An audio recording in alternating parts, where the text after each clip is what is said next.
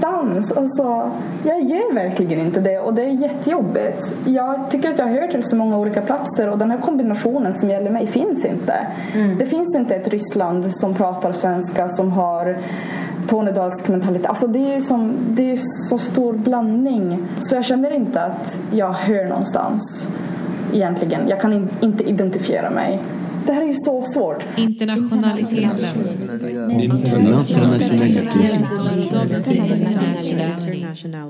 Hej, mitt namn är Aurora och du lyssnar på den nya podcasten The Internationality.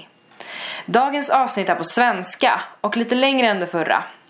Det spelades in på en båt mellan Tyskland och Sverige förra sommaren. I avsnittet pratar jag med Nina som jag lärde känna då hon började spela i samma orkester som jag.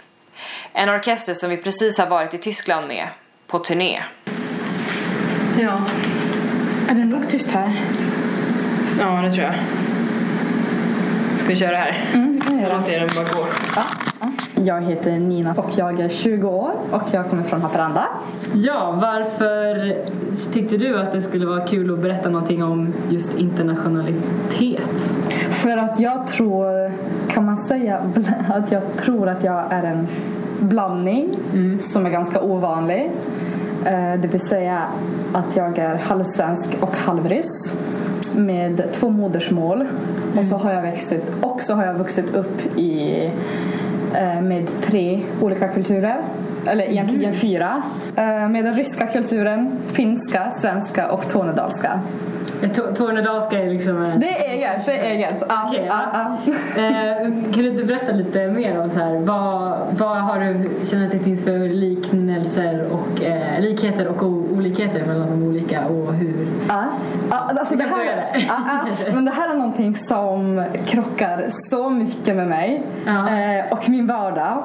Så jag typ så här är konstant mellan alltså har dilemma i hur jag ska agera på saker för att såra folk så lite som möjligt för att vara så schysst som möjligt. Alltså absolut att det räcker med att man bara tänker logiskt. Liksom, vad är jag ledsen och vad är jag inte ledsen? Men det är ju så mycket från de kulturerna jag har vuxit upp med som man reagerar och är på olika sätt i olika frågor. Så det är som, som sagt ett struggle för mig. Mm. för mig. Um, men den ryska kulturen och svenska kulturen tycker jag väl skiljer sig allra, allra mest. Mm. Mm. Eftersom svenskar är väldigt lagom. Ryssar är absolut inte det. typ så här, en stor skillnad är väl att om en ryss frågar om du vill ha te så ska du för att vara fin ska du tacka nej första gången och sen ska man fråga igen och, eh, och då ska man också tacka nej men Frågar man tredje gången så ska du tacka ja. Okay. Och grejen är ju den att eh, när du frågar första gången så är det typ så här. Jag vill bjuda dig men egentligen inte. Jag gör det bara som en gest. Men okay. jag pallar inte. Andra gången är det typ så här. Okej okay då om jag måste. Är du sugen liksom? Men tredje gången då betyder det jag vill verkligen bjuda dig. Och te det är viktigt. Te är inte någonting man dricker. Det är en sinnesstämning. Eh, medan i Sverige så här är vi väldigt lagom. Vi bjuder på fika och sen är det bra när fikat tar slut. I Ryssland så matar man en tills man rullar hem. Men det är ju typ så. Um, och det är väldigt olika sätt och syn man har på människor, medmänniskor, familjemedlemmar och kompisar.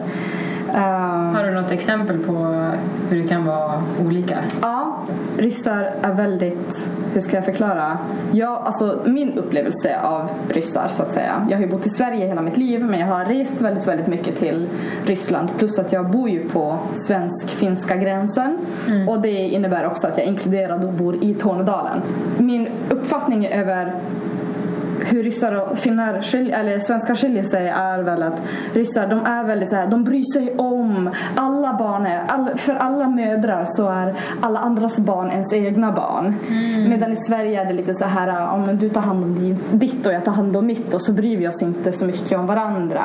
Medan i Ryssland så man är väldigt generös och väldigt omsorgsfull och väldigt emotionell medan man i Sverige är ganska lagom och lugn och sådär.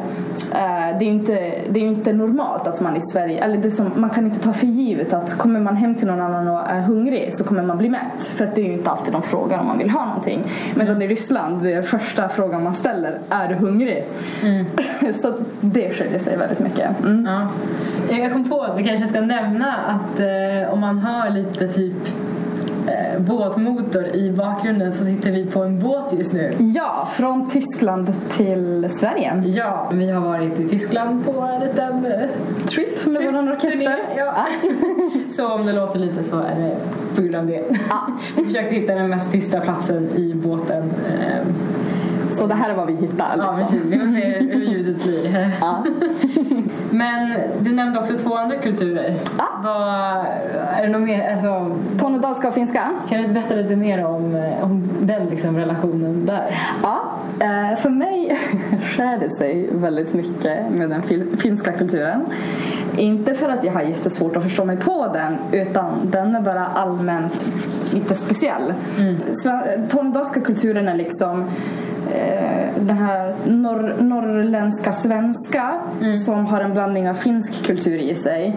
Så den är lite bitter, den är lite hård, den är lite så här, eh, den kan vara lite aggig men vi är fortfarande väldigt kärleksfulla människor. För att kollar man tillbaka från andra världskriget så längs hela, Torne, hela Tornedalen så har vi ju grannstäder just över gränsen. Haparanda, Torneå, eh, Övertorneå, Ylitorneå, eh, Pajala, Pajala liksom. Pello, Pello på båda sidorna.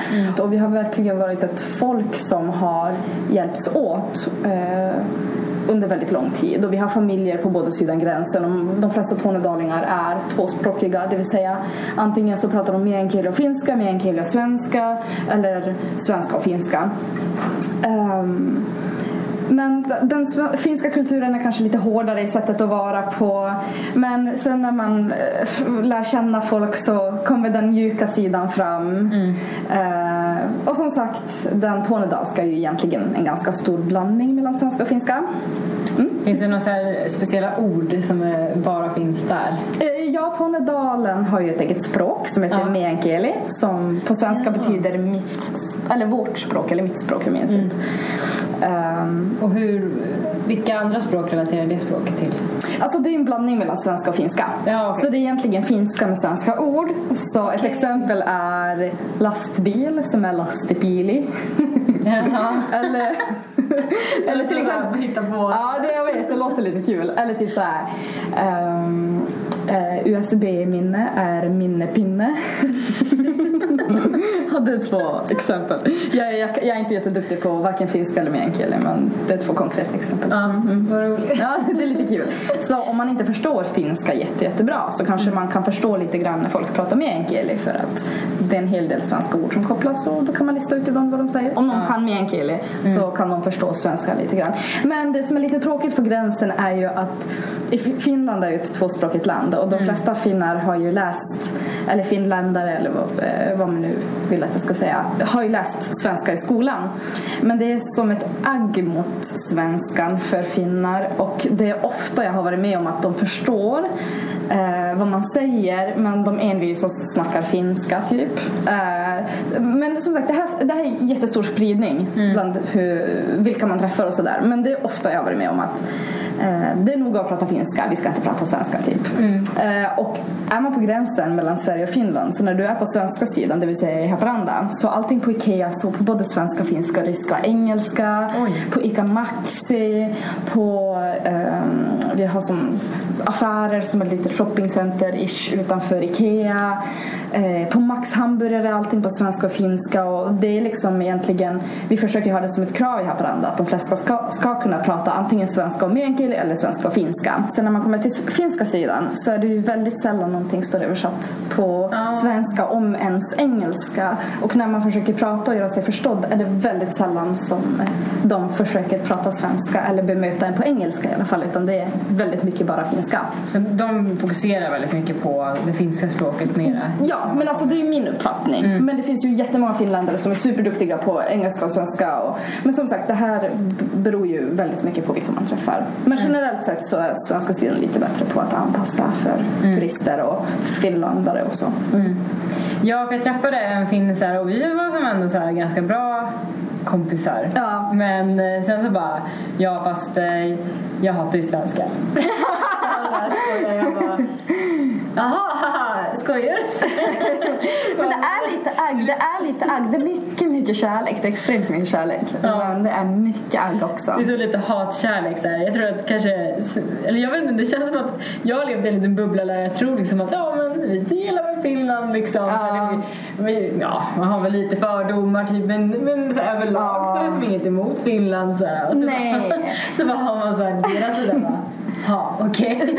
Så här, Och så. Mindblowing. Ja. Men det är så, ja. Alltså enligt några som är helt svenska eh, som bor i Haparanda så enligt dem, vad jag har uppfattat, så tycker de att finländarna vill ha en lite så här att det är lite en storebrorsmentalitet Ja. och så är det lite Eh, samma sak fast åt andra hållet. Mm. Så det är så här lite att hävda sig och sen när det blir hockey liksom om det blir världsmästerskap mellan Sverige och Finland. det är inte kul. Men ja, ja. jag tycker Men- man får åka till Tornedalen och upp, få sin egna uppfattning. Ja. Eh, men jag har mina föräldrar. Jag lever med både min, eller levde bodde med både mina föräldrar, min mor och min far och sen min lillebror. Och min mamma är från Ryssland, från Murmansk oblast. Eh, från en liten stad som heter Nikel. Det vill säga i norra Ryssland. Och min pappa är från en liten by i norra Sverige som heter Cengiz som ligger strax söder om Pajala tror jag. Eh, Så jag har två modersmål, ryska och svenska. Och eh, som sagt, jag har vuxit upp på gränsen. Och eh, min vardag är en kamp på hur konstant jag ska reagera och se på saker. Men det är ju så och det är så ofta jag sårar folk och det är ju verkligen inte meningen. Men jag minns en gång när jag passade ju på, eftersom jag har vuxit upp och bott i Sverige hela mitt liv som sagt. Men jag har rest till Ryssland en hel del men jag glömmer ju språket. Jag har lärt mig ryska i Sverige också. Eh, Jag har uppehållit det genom att läsa kurser. Så det var en ny tjej som skulle börja läsa ryska tillsammans med mig från steg ett på gymnasiet. Och eh, vi hade en rysk eh, lärarinna och hon heter Tamara. eh, fantastisk kvinna, jag älskar henne så mycket. Men eh, hon i alla fall hon menar ju bara väl. Hon är ju världens hönsmamma. Och vill, hon ser alla sina elever som sina barn. Alltså det är ju verkligen så. Hon är så fin. Hur som helst. Och den här tjejen som började i ryska klassen samtidigt som mig. Hon, hon, hon vill ju bara lära sig ryska för skojs skull. Eh, och hon pluggade på och gjorde sitt bästa. Liksom så här. Men det gick in, alltså, vad jag förstod ur hennes uppfattning, jag tyckte hon var duktig, men ur hennes uppfattning så tror jag att hon kände sig väldigt osäker och kanske inte kände sig jätte- jätteduktig. När eh, min ryska lärare kom fram och frågade henne, hon är väldigt, så här, hon är väldigt blyg och lite så här, und, hon drar sig undan gärna och sitter lite, Lite introvert. Precis, precis. Och då kom där, eh, då kom Tamara då och frågade, vad är ditt problem? På svenska. Väldigt rakt. Ja, och jag bara shit. hon, kom, alltså, hon blev så ledsen. Ja. För det var ju så rätt på. Eh, och det här var ju någonting som min ryska lärare inte kände av.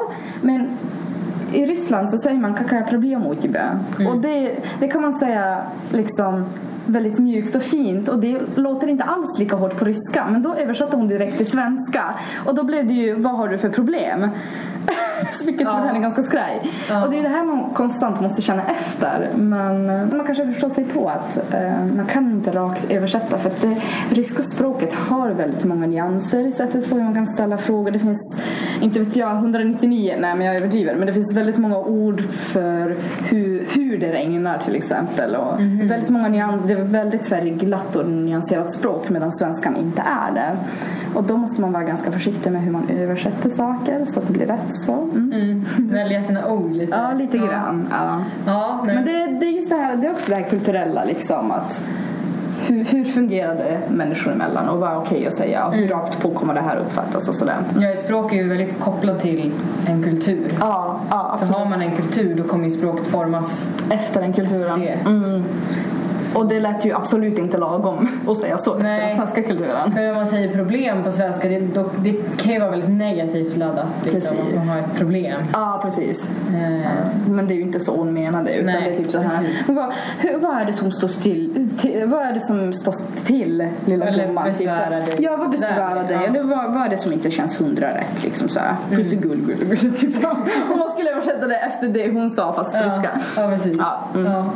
Ja, det, det är lite jättesvårt det där när man ska switcha mellan språk. Jag switchar alltid språk med min mor för att jag försöker prata på ryska men jag blir less och börjar prata på svenska och sen byter jag till ryska igen så alla Ja. som lyssnar på mig tycker det låter jätte- jätteroligt. Det blir en hel del växling mellan svenska och ryska. Ja, Lite blandning ja verkligen. Det här liksom multikulturella omgivningen du har haft eh, runt dig både liksom hemma och också vart ni har bott. Eh, känner du att det liksom vad skulle du säga eh, har varit de positiva och kanske även om du har någon negativ effekt liksom på hur du ser på saker eller eh, ja, så här, generellt eller specifikt? Ja. Du har ju nämnt eh, lite att det kan vara svårt att veta hur man ska uttrycka sig ibland och eh, kanske även när du switchar till ryska. Eh, Ja, men ja, alltså genom att man interagerar med väldigt många olika människor, olika kulturer, olika språk, olika familjer som kommer från olika platser som kommer till Haparanda eller Tornedalen eller Torneå eller som allmänt gränsen och försöker att interagera med människorna som bor där som har en väldigt, alltså mentaliteten är ju extremt olika Um, och det är ju någonting som bara berikar en. Men samtidigt med mentaliteter, med nya länder och med nya människor så kommer också väldigt mycket fördomar. Vi har ju extremt mycket fördomar i, i Norrland om, eller om, i Sverige överhuvudtaget men alltså jag menar det är ju väldigt mycket, det är mycket fördomar om Norrland, om Tornedalen, om Finland, om ryssar vilket också gör att jag blir jätteledsen ibland över vad, sa, över vad folk kan säga för saker liksom ogrundat och utan att ha läst på. Och om det är någonting som har gjort att jag har det svårare så är det som sagt att interagera och de jobbigaste människorna jag har att interagera med fastän jag har vuxit upp i Sverige så är det svenskar. Um, det är absolut svenskar som är Ja, absolut. Alla är speciella på sitt sätt. Så jag kan inte säga att jag drar alla över samma kant. Men den svenska mentaliteten generellt sett tycker jag är jättejobbig. Alltså jag förstår mig inte på den.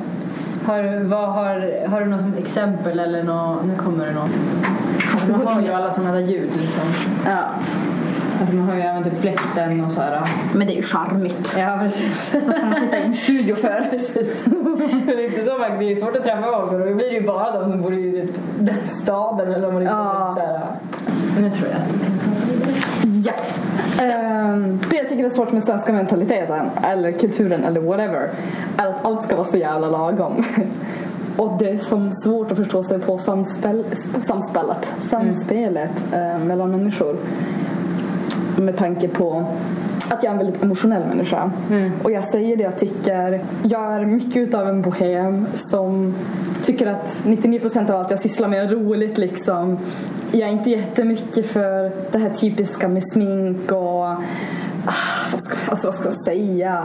Typ, ja, jag vet inte. Jag liksom Ja, alltså för mig är det inte naturligt att exkludera människor som man vill umgås med eller ljuga och säga att vi ska till ett ställe men inte till ett annat. Nu säger inte jag att alla ljuger men jag har ju absolut varit med väldigt många gånger då folk kommer på saker liksom för att man ska vara exkluderad utan att de säger det rakt ut. Förstår du hur jag menar? Mm, jag har varit med om det. Ja.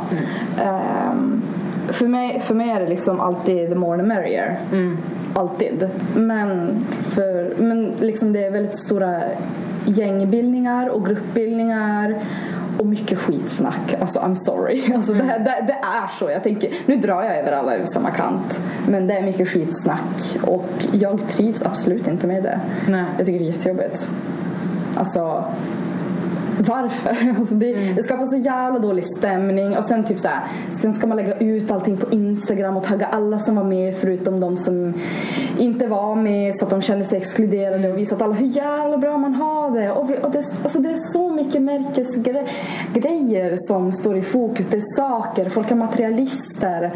Jag tycker att det, det, alltså det tar över och jag trivs inte med det. Jag ser människor för vilka människor och personligheter de är och har. Och som sagt, ju fler desto bättre. Och jag, vill, jag, jag strider för att bygga ett samhälle som är på bekostnad av kärlek och tilltro, inte av pengar och status.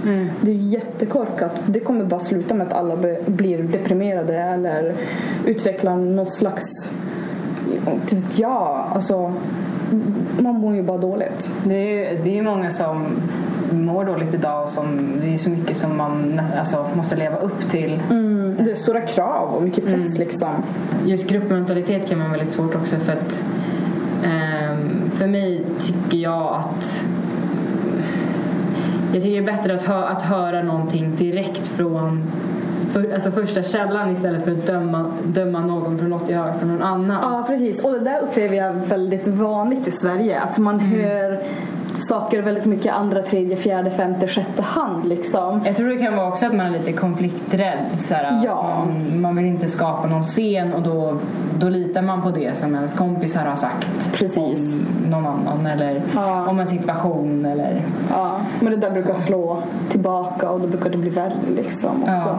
Det är så himla trist att man, i sådana fall hade man ju behövt komma på och förstå så tidigt som möjligt att det är bättre att reda ut saker. Mm. Inte konfrontera, inte ställa den mot väggen, men att reda ut saker. kommunicera är ju Precis. väldigt viktigt. Ja, om man säger så. Ja, och sen så tänker jag ju inte säga ja men det här är man mycket bättre på i Ryssland eller i Finland eller i Tornedalen. Absolut inte. I Tornedalen är man väldigt sammanbiten. Och då kommer man ihåg, hjälpte inte du mig med att hugga ved? Då vet du vem som inte kommer få hjälp när man ska få upp skoten när du har kört fast i snö liksom. Då får du ta undan dig själv för att du hade inte tid att hjälpa mig med att hugga ved när jag frågade. Så det är lite såhär ge och ta. Ja, lite grann. Men det är viktigt att ge. Det är vikt- Och sen om du ger, då kommer du få hundra gånger tillbaka. Alltså, mycket bättre än det du har gett. Men det är det här, man får inte vara girig. Nej. Det kommer slå tillbaka, i alla fall i mina områden. och i Ryssland så ger man. De fattigaste är de mest generösa. Ehm, Ja, typ så. Men sen som sagt, eh, jag har inte bott i Ryssland utan jag har bara varit där väldigt många gånger. Men jag upplever generellt sett att mentaliteten bland ryska ungdomar är mycket mer accepterande och inkluderande än vad de är i Sverige. Men det är som sagt min egna uppfattning.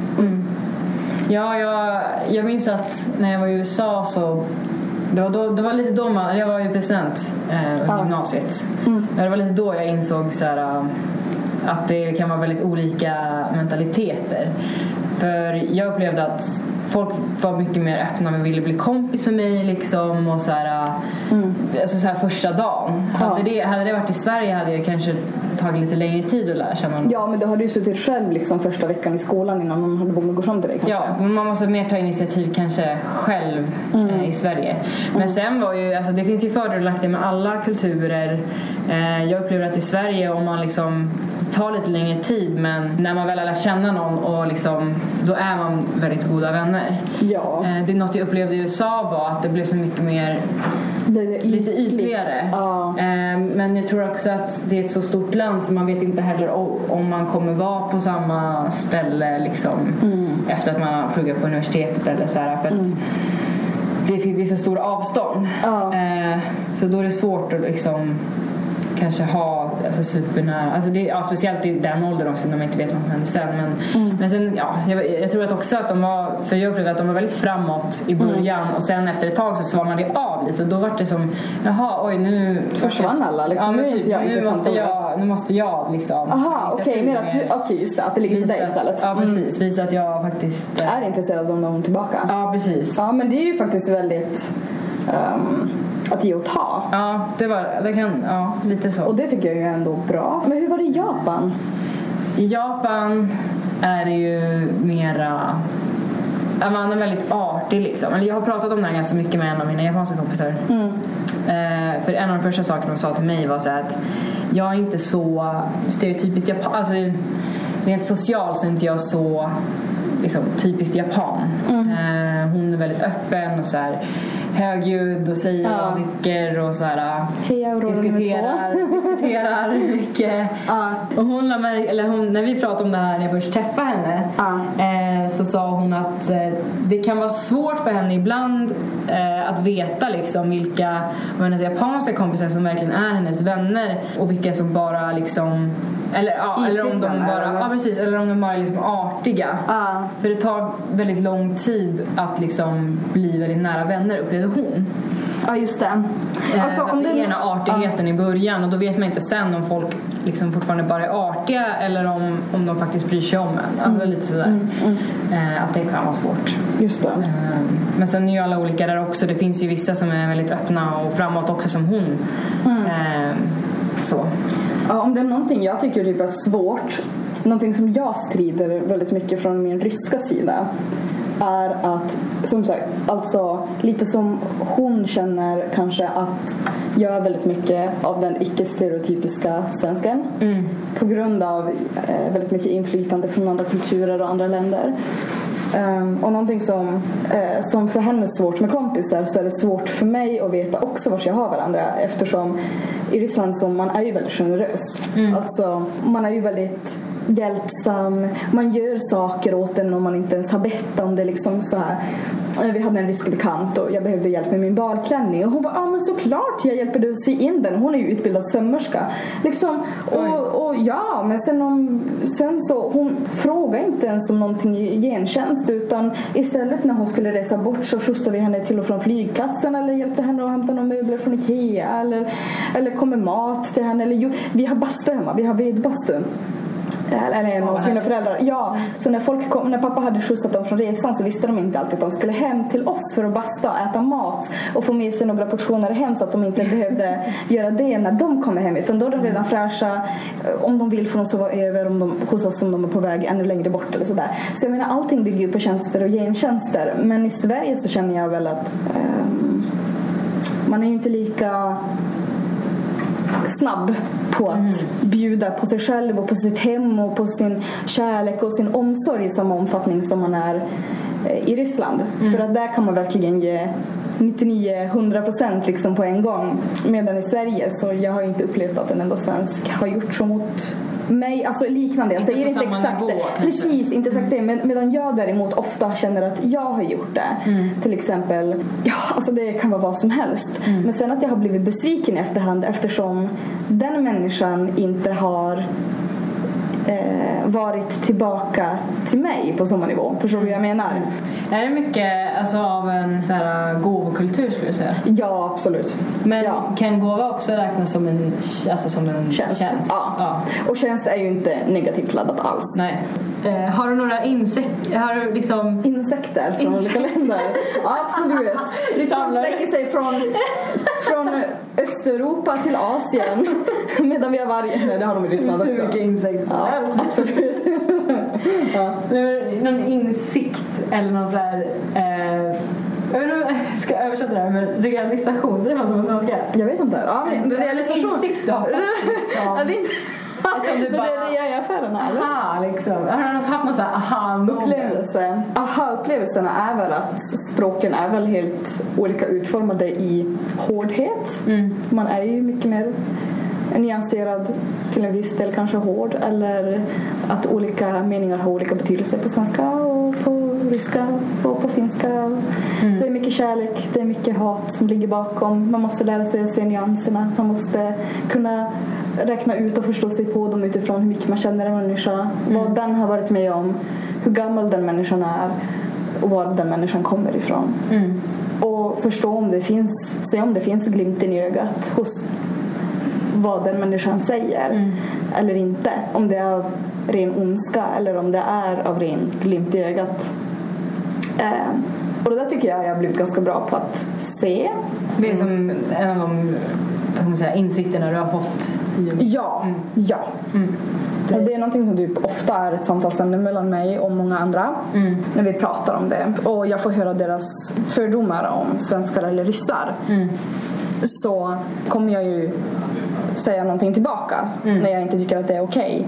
Eh, och då får de insikter, jag får insikter över hur de tänker och hur, vad de har lärt sig, var de har hört saker ifrån. Mycket spelar ju på historia också Ja, gud ja. och så. När det är så mycket olika kulturer som blandas, liksom, hur... För för många människor så är det viktigt att liksom identifiera med någonting. Hur, hur kan man identifiera när, när det är sån stor variation? Eller förstår du? Ja, alltså det här har jag extremt problem med. Alltså, jag har en gammal sovjetisk matta hemma i mitt rum. Ja. ehm, som man kunde köpa i metervara under Sovjet. som finns på alla dessa myndigheter också som deras standardmatta. För jag känner mig så pass rysk i sättet att tänka, i sättet att vara. Och jag tycker att jag skiljer mig väldigt mycket från svenskar generellt sett. Svenska mentaliteten och så. Men alltså, jag är ju fortfarande född och uppväxten i Sverige. Stora delar av mitt liv. Så när någon frågar så säger jag att jag kommer från Sverige. När någon frågar eh, vilket modersmål jag har så säger jag svenska och ryska. Vilken kultur jag har så är det ju eh, mycket svenskt, också mycket tornedalskt, extremt mycket finskt och en hel del ryskt. Vilket språk jag tänker och pratar på är ju mestadels svenska men också kanske en tredjedel ryska. Och min tillhörighet, jag vill väl säga att alltså, alla länder har sina plus och minus. Eh, Både när det gäller alla dessa moment som vi har tagit upp, kulturspråk och så vidare. Och jag tar bara det bästa utav dem. Eh, så ja, jag, jag hör ingenstans. Alltså, jag gör verkligen inte det och det är jättejobbigt. Jag tycker att jag hör till så många olika platser och den här kombinationen som gäller mig finns inte. Det finns inte ett Ryssland som pratar svenska som har tornedalsk mentalitet. Alltså det är ju som, det är så stor blandning. Så jag känner inte att jag hör någonstans egentligen. Jag kan in, inte identifiera mig. Det här är ju så svårt. Men jag vill flytta upp tillbaka till norra Sverige. För där känner jag mig hemma. Jag kan inte leva i stora städer. Ehm, och jag vill ha ett bra socialt tryggt system. Men jag saknar, jag tycker fortfarande mycket bristande i mentaliteten där i sådana fall. Som skulle göra att jag kanske mår dåligt. Men och språket skulle jag ju glömma. Och jag är fortfarande väldigt... Eh, jag älskar Ryssland. Och jag är ju väldigt rysk i sättet jag tänker, tycker och är. Så jag får väl bara försöka hitta min kombination och en plats där jag trivs. Alltså, jag, jag, jag, är lite, jag är lite av varje. Jag är en blandis. Ja, Så- så- en blandning. För jag har själv också funderat mycket på det där. Eh, och det som kom upp för mig efter en del funderande var liksom, ja, fan. Det är en internationalitet. Att du är en Det internationalitet. kan jag liksom, det känns som så väldigt, det är väldigt brett. Ja, men, det passar in på Det är dig. ju brett, liksom hela Det är vad det är. vad man är. Ja. Så att, Det kanske jag också är. Men jag älskar Tornedalen. Alltså, jag gör ju verkligen det. Jag älskar verkligen Ryssland. Jag älskar Finland. Jag älskar Sverige. Jag tänkte bara skita i allt och flytta till Norge kanske. Alltså, vi tar en ny liksom, nej men då är det alltså... språk, ny, ny kultur. Ja men precis! Ja. Och då är, då är liksom... Då är det ju liksom någonting som är inte jag alls. Mm. Upplever du att du har mycket så här, uh, vilja att vilja lära dig om andra kulturer också? Ja, jag tycker det är så intressant. Jag tyckte religion... eh, jag hade högsta betyg i religion när jag gick ut. Jag tyckte det var så sjukt intressant. Ehm, för att religion hör ihop med kultur som hör ihop med mentalitet, med geografisk, geografiska platser och så vidare. Ehm, men ja, jag tycker det är jätteintressant att förstå sig på hur människor tänker och är på andra platser. Mm.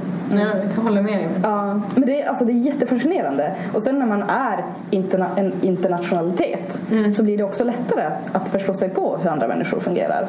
För att är man en hundraprocentig Svensson så är det svårt att sätta sig in i hur andra tänker alla gånger om man inte är jätteväl berest kanske. Eller har stort intresse av det. Ja, precis. Skulle du ha velat att ditt liv skulle vara annorlunda på något sätt trots all den här liksom ba, att man inte vet hur man ska agera på vissa situationer och eh, språkskillnader och allt vi har tagit upp nu. Eh, varför och varför in, eller varför inte? Spontant sett så önskar jag att jag hade vuxit upp i Sverige med ryssar. alltså, För att Eh, ryska systemet kanske inte är lika välutvecklat som det svenska. Bland annat social trygghet och så vidare som vi har i Sverige, vilket är väldigt bra. Men sättet man är här på i Sverige, mellanmjölken liksom. Jag tycker det är superjobbigt. Och det är mm, Alltså, I Haparanda har det varit väldigt mycket negativa, väldigt negativt och grupperat mellan människor. Det är i alla fall de som jag har råkat ut att alltså, umgås med. Så har, har ju det fått mig att må väldigt dåligt. Men jag vet inte hur man skulle kunna göra för, alltså, hur man kunde, hade, hade kunnat göra annorlunda. För att mina föräldrar har ju verkligen velat att vi ska bo så bra som möjligt, på en så bra plats som möjligt, att vi ska få lära oss så mycket som möjligt. Eh, vilket vi verkligen har gjort. Hela mitt liv har jag varit ute i skogen med min mor och plockat svamp och bär och så här ska man göra och så här ska man man ska vara så här aktiv och göra ved, eld och inte vet jag, grilla korv och, och åka skidor ut på isen och med pappa har jag varit och fiskat och och sådär. Plus att vi har bott nära en liten stad men vi har även haft väldigt stor tillgång till naturen under hela min uppväxt vilket gör att man blir väldigt jordnära människa också. Ehm, Men du hade gärna velat ha någon slags kombination om det hade varit möjligt av dem? Alltså jag hade velat ha en Det bästa av världar. bättre mentalitet. Precis. Men det är ju önsketänk. Så.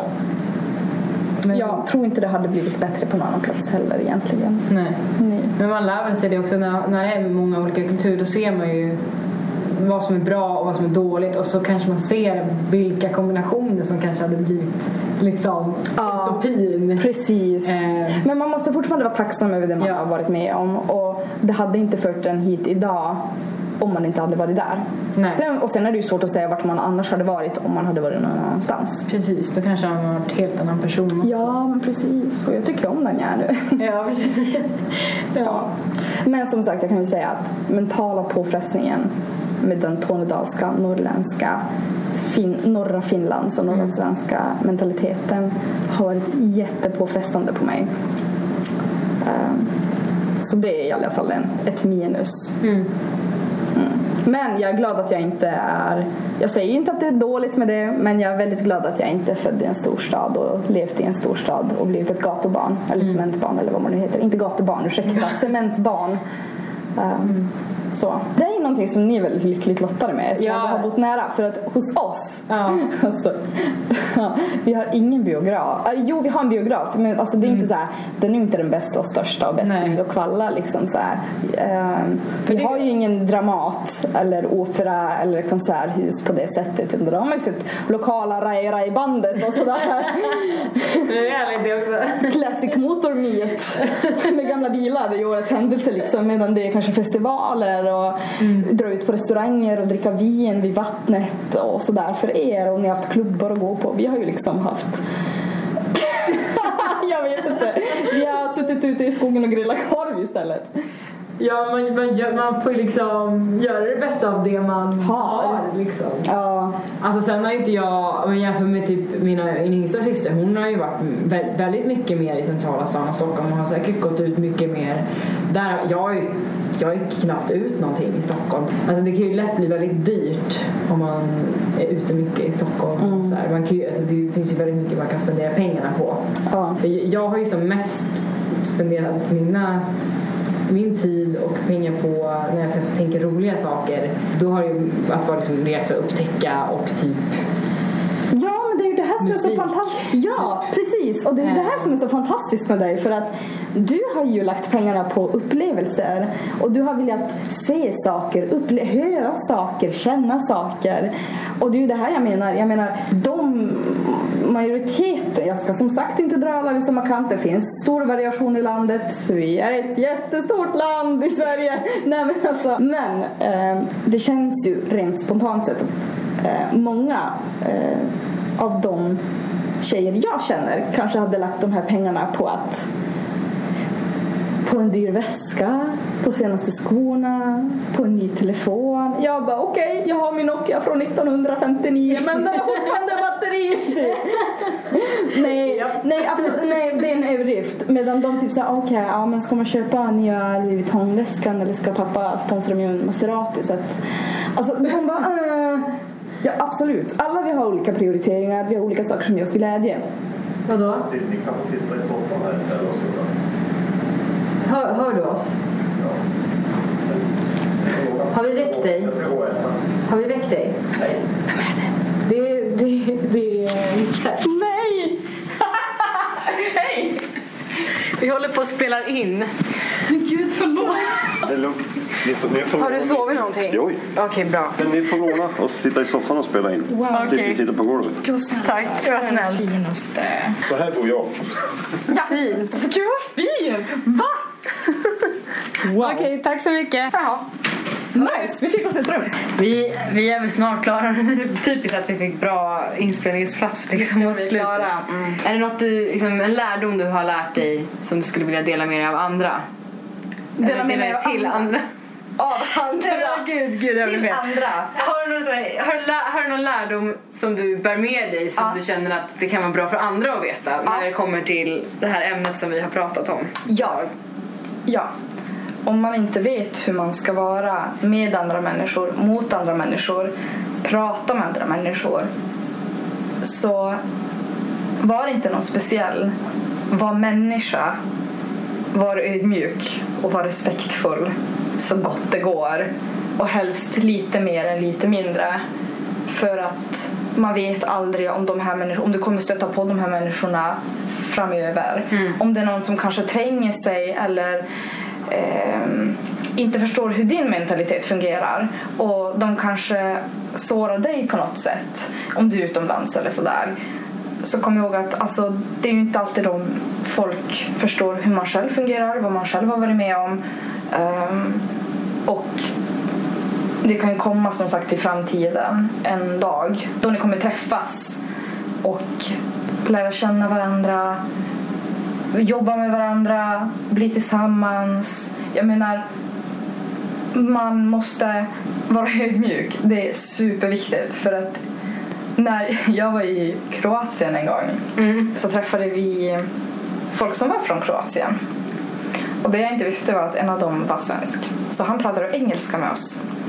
Och då så säger jag, alltså jag hade sån ångest när jag fick reda på det här. Då, då, fick jag, då frågade jag vad en av de här jobbade med då, för att de pratade ju med engelska med oss. Och då sa han att han var sjukgymnast eller naprapatit eller något i den stilen. Och Eftersom jag har ryggproblem och det här är jättedyrt i Sverige om man inte går via landstinget så är det här ganska dyrt att bekosta själv och få behandling för diverse skador eller behandlingar och sådär. Och då, så, så som sagt, det är dyrt i Sverige. Det kan gå 5, 6, 700 kronor per besök beroende på vad du ska göra, om det är massage eller om det är någon slags träning eller terapi. Och där var det inte lika dyrt. Jag frågade vad, hur mycket han tar för en behandling och då så sa han typ så här 40-50 euro. Och då så sa jag till mamma och pappa på svenska Men jag ska ljuga och säga att i Sverige är det mycket billigare så då kanske han måste sänka priset. och då kanske jag kan få en behandling mycket billigare. Och då så tittar han som kan svenska på mig med jättestora ögon och säger Jag förstår precis vad du sa nyss. Och det där är min bästa vän. och mamma bara Ska inte du gå och bada nu? Jag bara Jag går och badar. Man vet aldrig vilka språk andra mä- Ta det här människor. Man vet inte vilka språk andra kan, inte kan, vad de kan göra för en, vad de, alltså, och så vidare. Ehm, Det var en väldigt bra lärdom tycker ja, det, jag fick lära mig den hårda vägen. Ja, det är det så man kommer ihåg det. ja. Är det något annat du skulle vilja lägga till eller hur skulle du vilja sammanfatta? Ja, det här var jättekul. Ja, jag kul. fortsätter gärna prata om, med dig om internationalitet Ja, framöver.